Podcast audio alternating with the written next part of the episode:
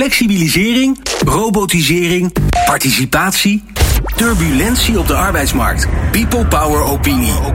Op Nieuw Business Radio. En we praten vandaag met uh, Ron Bouwmans, uh, di directeur jeugdgezondheidszorg Zuid-Holland-West. Volgens mij de, gast met de, de, de, langste naam van de organisatie tot nu. En Freek Korver, directeur zorg bij Verbego. Praten we over de noodzaak tot reorganiseren in de zorg. Um, en Freek, ik, ik, merkte toen ik, toen ik opschreef in mijn draaiboekje reorganiseren in de zorg, dat ik dat heeft zo'n lading, dat woord. Moeten we, moeten we daar niet iets, iets aanlokkelijkers voor verzinnen? Nou ja, het is, ik zou liever praten over verandering. Kijk, een reorganisatie heeft zo'n negatieve connotatie met allerlei ontslaggolven en dat soort zaken. Maar het betekent dingen moeten anders gaan gebeuren. En ja, dat is natuurlijk in, in, uh, letterlijk wel een reorganisatie. Maar ik denk dat je het veel meer als een verandering en meegaan met de tijdsgeest moet zien. Dan als een soort oud woord reorganisatie. En dan zie je direct alweer vakbonden en iedereen de straat op. En mensen raken een baan kwijt. Maar dat hoeft niet. Nee. Uh, het moet iets positiefs zijn. Het moet iets positiefs zijn. En dat mensen eh, de mensen in de zorg ook gewoon weer de dingen kunnen doen waar ze voor zijn opgeleid. Waar ze een passie voor hebben. Waar ze voor gemotiveerd zijn. Wat aansluit bij wat hun klanten of patiënten eigenlijk nodig hebben. En als je dat doet. Ja, dan is, dan is het niet negatief. Dan is het eigenlijk alleen maar meebewegen met, met wat er gevraagd wordt in de huidige tijdsgeest. En de stelling van vandaag is uh, afwachten is geen optie. Hè? Uh, dus uh, het, het, moet anders. Als jij nou om je heen kijkt en je, je werkt al jarenlang in, deze, in, de, in de zorgsector. welke organisatie zie je nou bewegen waarvan je zegt van nou, die, zijn, die, zijn goed, die doen dat goed. Daar, daar kunnen we wat van leren. Ja, nou ja, dat... dat ehm, je ziet een aantal organisaties die zijn zeker in beweging. die zijn echt aan het zoeken naar ook nieuwe modellen hoe je bepaalde uh, veranderingen teweeg kan brengen. Dat is overigens iets waar ook uh, Assist uh, als onderdeel van Verbego bij betrokken is.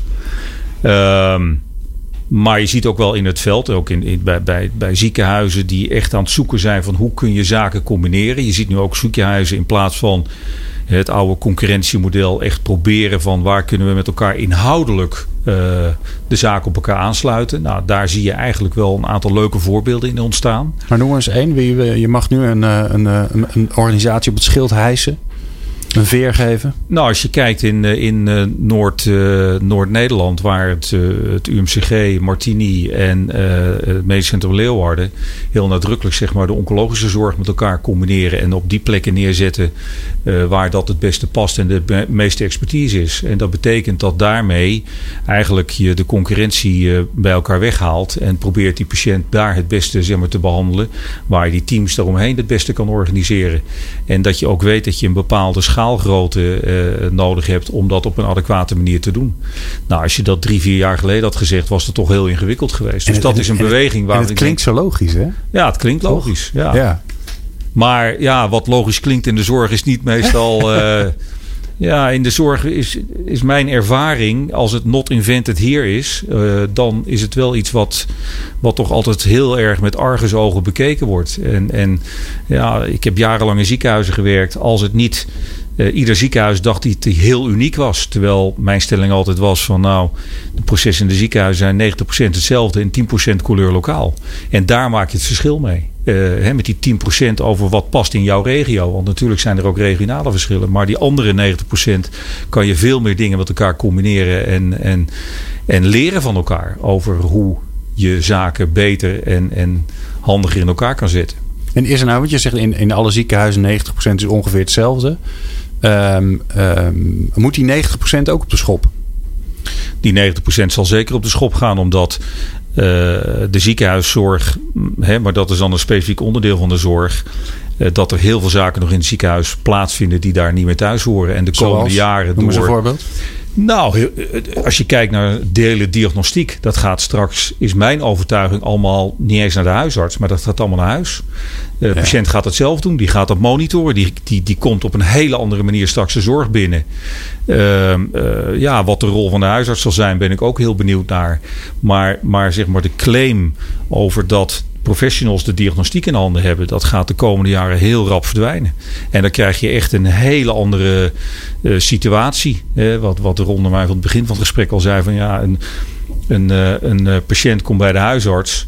niet zozeer om te vragen wat ik heb, maar meer zo van: nou, is een MRI misschien niet een goede optie om nog even te laten doen? De huisarts wordt een soort second opinion eigenlijk. Second opinion, maar ik denk dat daar waar vroeger zeker medisch specialisten en huisartsen een positie hadden waarin zij zeg maar de kennis hadden uh, en de patiënt niet, dat dat een hele uh, andere vorm gaat krijgen. Dat, dat een medisch specialist een zeker van toegevoegde waarde is, maar veel meer om een patiënt te begeleiden en, en een spiegel voor te houden en aan te geven wat consequenties zijn van behandelingen, dan alleen maar te vertellen wat er aan de hand is.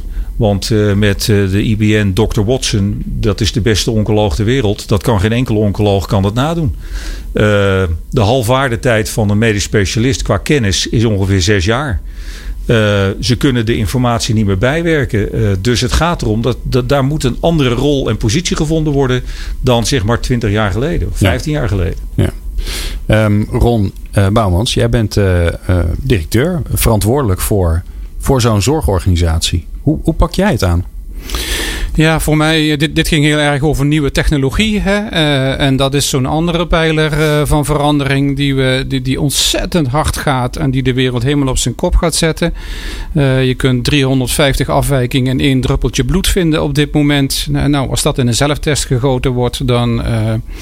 en, en dit is nog maar het begin. Ja. Ehm, als je het in een organisatie wil doen, dan heeft dat voor mij betreft alles te maken met, met de stijl, met de leiderschapsstijl um, van de bestuurder. Um, en ik denk dat we in deze tijd dus ook uh, um, ja, de alfamannetjes en de narcisten, uh, die, kunnen, die kunnen we echt niet meer gebruiken. Dat is een stijl die past totaal niet meer bij de bedoeling. Het zijn straks de professionals die de bedoeling, hè, die kort bij de patiënt staan en die dat vorm gaan geven. Dat is een sociaal systeem en daar past geen directief leiderschap meer bij. dus je doet het wat mij betreft met je leiderschapsstijl. Hè? En dan heb ik het over eigenschappen zoals denken vanuit een ander, uh, kwetsbaar durven zijn, je kwetsbaar durven opstellen, groot lerend vermogen uh, hebben. vanuit de inhoud denken en niet vanuit jezelf. Je eigen belang altijd ondergeschikt maken. Nou, dat zijn allemaal competenties voor, voor de nieuwe leider, denk ik, op dit moment. Die passen bij die nieuwe tijd. En hoe gaat jou dat af? Um, ik, ik, ik zie, ik, ik, het, ik voel, het zit in mijn hart. Het gaat vanzelf. Ik zie alleen dat het. Altijd al? Ja, ik denk het wel. Ik heb er wel over nagedacht toen mensen op een gegeven moment mij op wezen van uh, hoe doe je dat nou toch dat je een organisatie zo steeds weer in zijn kracht kunt zetten. Toen ben ik gaan nadenken waar dat nou aan ligt. Ja, het, zit een beetje in, in, in het beestje, denk ik. Uh, ja. Ja, en, maar, en, hoe was dat vroeger? Ja, een beetje een rare vraag, maar hoe was dat vroeger dan? Want het is natuurlijk wel zo dat we jarenlang, uh, vooral mannen, maar laten we zeggen, mensen die die zeiden daar moeten we heen en volg mij. En de sterke leider, die hebben we toch jarenlang op het schild gehesen. Uh, jij zegt eigenlijk van nou, de, die, is, die is voorbij. Nou, dat horen we natuurlijk ook heel vaak. Dus dat is niet, niet, uh, niet, niet zo bijzonder. Maar jij bent die andere leider, zeg je zelf. die, die meewerkt, die faciliteert, die luistert, die voelt. Um, maar hoe ging dat vroeger dan, toen dat nog niet zo vanzelfsprekend was? Ja, toen was het in de systeemwereld totaal niet vanzelfsprekend. Maar als ik terugga naar mezelf 35 jaar geleden. Ik ben als verpleegkundige ben ik begonnen. En ik ben begonnen om iets te betekenen voor de individuele patiënt. Uh, en toen dat uh, toen mijn visie goed uitpakte, toen ik dat kon doen, toen dacht ik van ja, als ik het voor de individuele patiënt kan doen, dan kan ik het ook voor veel meer mensen doen. Uh, en toen ben ik het dus in het management gaan zoeken. Dus als mijn visie op zorg, zorgen voor andere mensen, uh, die kan ik via management en via bestuur, kan ik die veel breder uitdragen. en op die manier heb ik ook langere tijd voor VWS ben ik werkzaam geweest. En dat doe je het op een nog grotere schaal voor het systeem. dus ik heb het altijd in me gehad, maar 30 jaar geleden geleden zag het systeem er heel anders uit.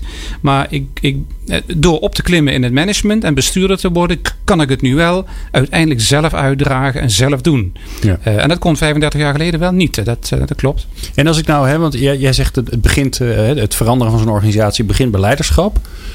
Dan, dan denk ik, nou oké, okay, jij bent de leider van zo'n, van zo'n zorgorganisatie en, en jij hebt de, de juiste kwaliteiten. Maar wat zie ik jou dan doen? Hè? Dus ik, ik ben een vlieg op de muur, ik ga met jou mee een dagje.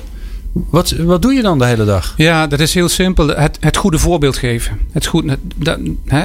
Dus die, die eigenschappen die ik net schetste, dat uh, kwetsbaar durven zijn, je kwetsbaar durven opstellen, denken vanuit de ander, uh, de ander de ruimte geven en zelf faciliteren. Uh, en dat allemaal vanuit de klant geredeneerd. Daar moet je elke dag, elke minuut, in elke zin, uh, in alles wat je doet, moet je daar het goede voorbeeld in zijn. Uh, dus je moet ook zelf kwetsbaar durven zijn uh, naar buiten toe. omdat je dat vraagt van je mensen. En hoe ziet je agenda dan uit? Want ik, ik dan denk ik, ja, de gemiddelde bestuurder die vergadert de hele dag. Zit de hele dag in een vergaderhok. Dus niemand ziet, ziet hem of haar. Ja. Um, Hoe zit het bij jou? Ja, dat kan dus niet. Hè? Dat kan dus niet. Het, er is tegen mij wel eens gezegd van waarom ga je niet een dag vanuit thuis werken? Uh, en toen, ik heb steeds gezegd dat kan niet. Want dan ziet niemand mij. Hè? Al ben ik op vrijdag op kantoor en kom ik maar drie mensen tegen. Die drie mensen hebben gesproken en ik heb ze gezien. Besturen is een mensenvak. En je moet dus eigenlijk continu met je mensen in contact staan. En niet alleen met de managementlaag, maar ook met de professionals in de organisatie. En daar moet je heel erg je best voor doen. Uh, en dan krijg je een hele andere agenda. Ja. Freek, uh, zie jij dit terug? In, bij, bij jouw klanten bijvoorbeeld, bij die omslag naar ander soort leiderschap? Ja, dat zie ik terug. Zei dat dat uh, best ingewikkeld is. Je ziet dat die systemen elkaar ook wel wat in de, in, de, ja, in de greep houden. Je ziet gelukkig wel dat er steeds meer zeg maar, die verantwoordelijkheden weer terug worden gelegd en lager in de organisatie. Dat betekent dat je daarmee ook als zeg maar, top van de organisatie ja, in plaats van uh, volg mij en die kant gaan we op veel meer de inspiratie moet, uh, moet geven. En het vertrouwen en steun moet, moet geven. Ook in de tijden dat het ingewikkeld wordt. Want wij zien ook in, in joint ventures waar wij zitten. Uh, ja, dat er vanuit zeg maar klant de klant beredeneert, soms over de grenzen wordt heen gegaan, wat eigenlijk dan formeel in het systeem mag. En dan moet je ervoor zorgen dat je ook ervoor klaar staat dat de professionals gesteund worden. Ja. Ehm, en je ziet dat dat wel mondjesmaat gebeurt, maar dat, het ook dat, dat is best ingewikkeld. Ja. Uh, als je al jarenlang, en het zit, ik denk, ik ben het helemaal met jou eens, Ron, als dat niet in jouw persoon zit. En je bent gewend dat jij het graag strak hiërarchisch georganiseerd wil hebben. Dan heb je niet nu in één keer een knop om van we gaan dat anders doen. Ja. Dat is iets wat, wat, wat je moet liggen, wat dichtbij je moet, moet zijn. Als je daar een spelletje of een, een, een toneelstukje op draaft. Mensen prikken daar zo doorheen. En hoe ga je daar zelf mee om? Verbego is een, is een enorm mensgericht bedrijf. Ja. Ik heb ondertussen, eh, nou ja, de luisteraar weet dat, eh, er komen veel Verbego-collega's hier ook in deze, in deze uitzending. Uh, en tot nu toe ben ik nog nooit iemand tegengekomen. Ik dacht van, hé, hey, wacht eens even. Jij bent anders. Jij bent, jij bent van de oude stempel, laat, maar, laat ik maar zeggen. Ja. Um, maar ja, jullie werken misschien wel met klanten waar, nou, waar het wel een beetje volgens de oude stempel is. Hoe ga je daar dan mee om? Want dan heb je toch contrast tussen die twee. Dat klopt. En dat is ook af en toe is dat ingewikkeld. Uh, maar dat is overigens wel, zeker in de zorgkant, waar wij voor Assist wel vaak gevraagd worden om ook die transitie mee de vorm te geven. Want daar zie je wel dat ook een beetje vreemde ogen dwingen. Het feit dat wij vanuit een andere kant soms kijken en zeggen van ja, dit, dit moet op een andere manier. Transities van thuiszorgorganisaties, waarin we heel nadrukkelijk die teams gewoon veel meer uh, uh, regie geven, ruimte geven om te luisteren naar de klant, dat ook te, te, te ondersteunen. Dat is iets wat vaak bestaande instellingen heel lastig van de grond weten te krijgen. En wat wij zeg maar, vanuit ons perspectief daar wel kunnen brengen. En ook voor een deel kunnen afdwingen. Ik, dus merk een, ja. ik merk in mijn organisatie ook dat niet iedereen mee kan. Ja. Er vallen gewoon mensen af. Er komen mensen naar mij toe die zeggen: Ik ga toch vijf jaar eerder stoppen. Ik, ik red het niet. Ik kan dit niet bijbenen. Dit gaat me veel te snel. En ik wil het niet allemaal nog een keer meemaken. Hè? Nee, dat is zo. En ik, ik denk dat je zit nu in een transitie waarin een aantal van de mensen het ingewikkeld vinden om daarin mee te gaan. Maar je krijgt ook weer nieuwe mensen die het juist wel prettig vinden. En dat is denk ik ook van belang. Als je kijkt naar het imago van de zorg op de arbeidsmarkt, is dat op dit moment gewoon heel erg slecht. Uh, niemand durft bijna meer te zeggen dat hij in de zorg werkt, want iedereen die vindt er wat van. Uh, de keuze voor, voor uh, vakken in de zorg is de afgelopen jaren is dramatisch afgenomen, omdat nou ja, ehm, het imago niet goed is. Maar ook dat de afgelopen jaren toch door allerlei reorganisaties heel veel ontslagen zijn gevallen. Waar we mensen denken van waar vroeger de zorg een soort veilige thuishaven was, is dat ook weg. Dus wij moeten ons opnieuw uitvinden. Hoe, hoe maken wij ook de, de, werkplekken weer interessant? Dat mensen hun uitdaging kunnen vinden. Dat de vaardigheden die mensen nu meenemen, eh, dat is gewoon snel kunnen schakelen. Snel informatie niet in hun hoofd weten, maar wel weten op te zoeken. Dat we dat soort expertises ook goed kunnen inzetten in de zorg. En, en da, ja, dat is nog wel een zoektocht. We praten zo verder met Ron Bouwmans en Freek Korver. maar we gaan zo eerst bellen met Jeroen Buescher voor zijn maandelijkse column in zijn Bueschers bespiegeling. Nieuw Business Radio. Let's talk business.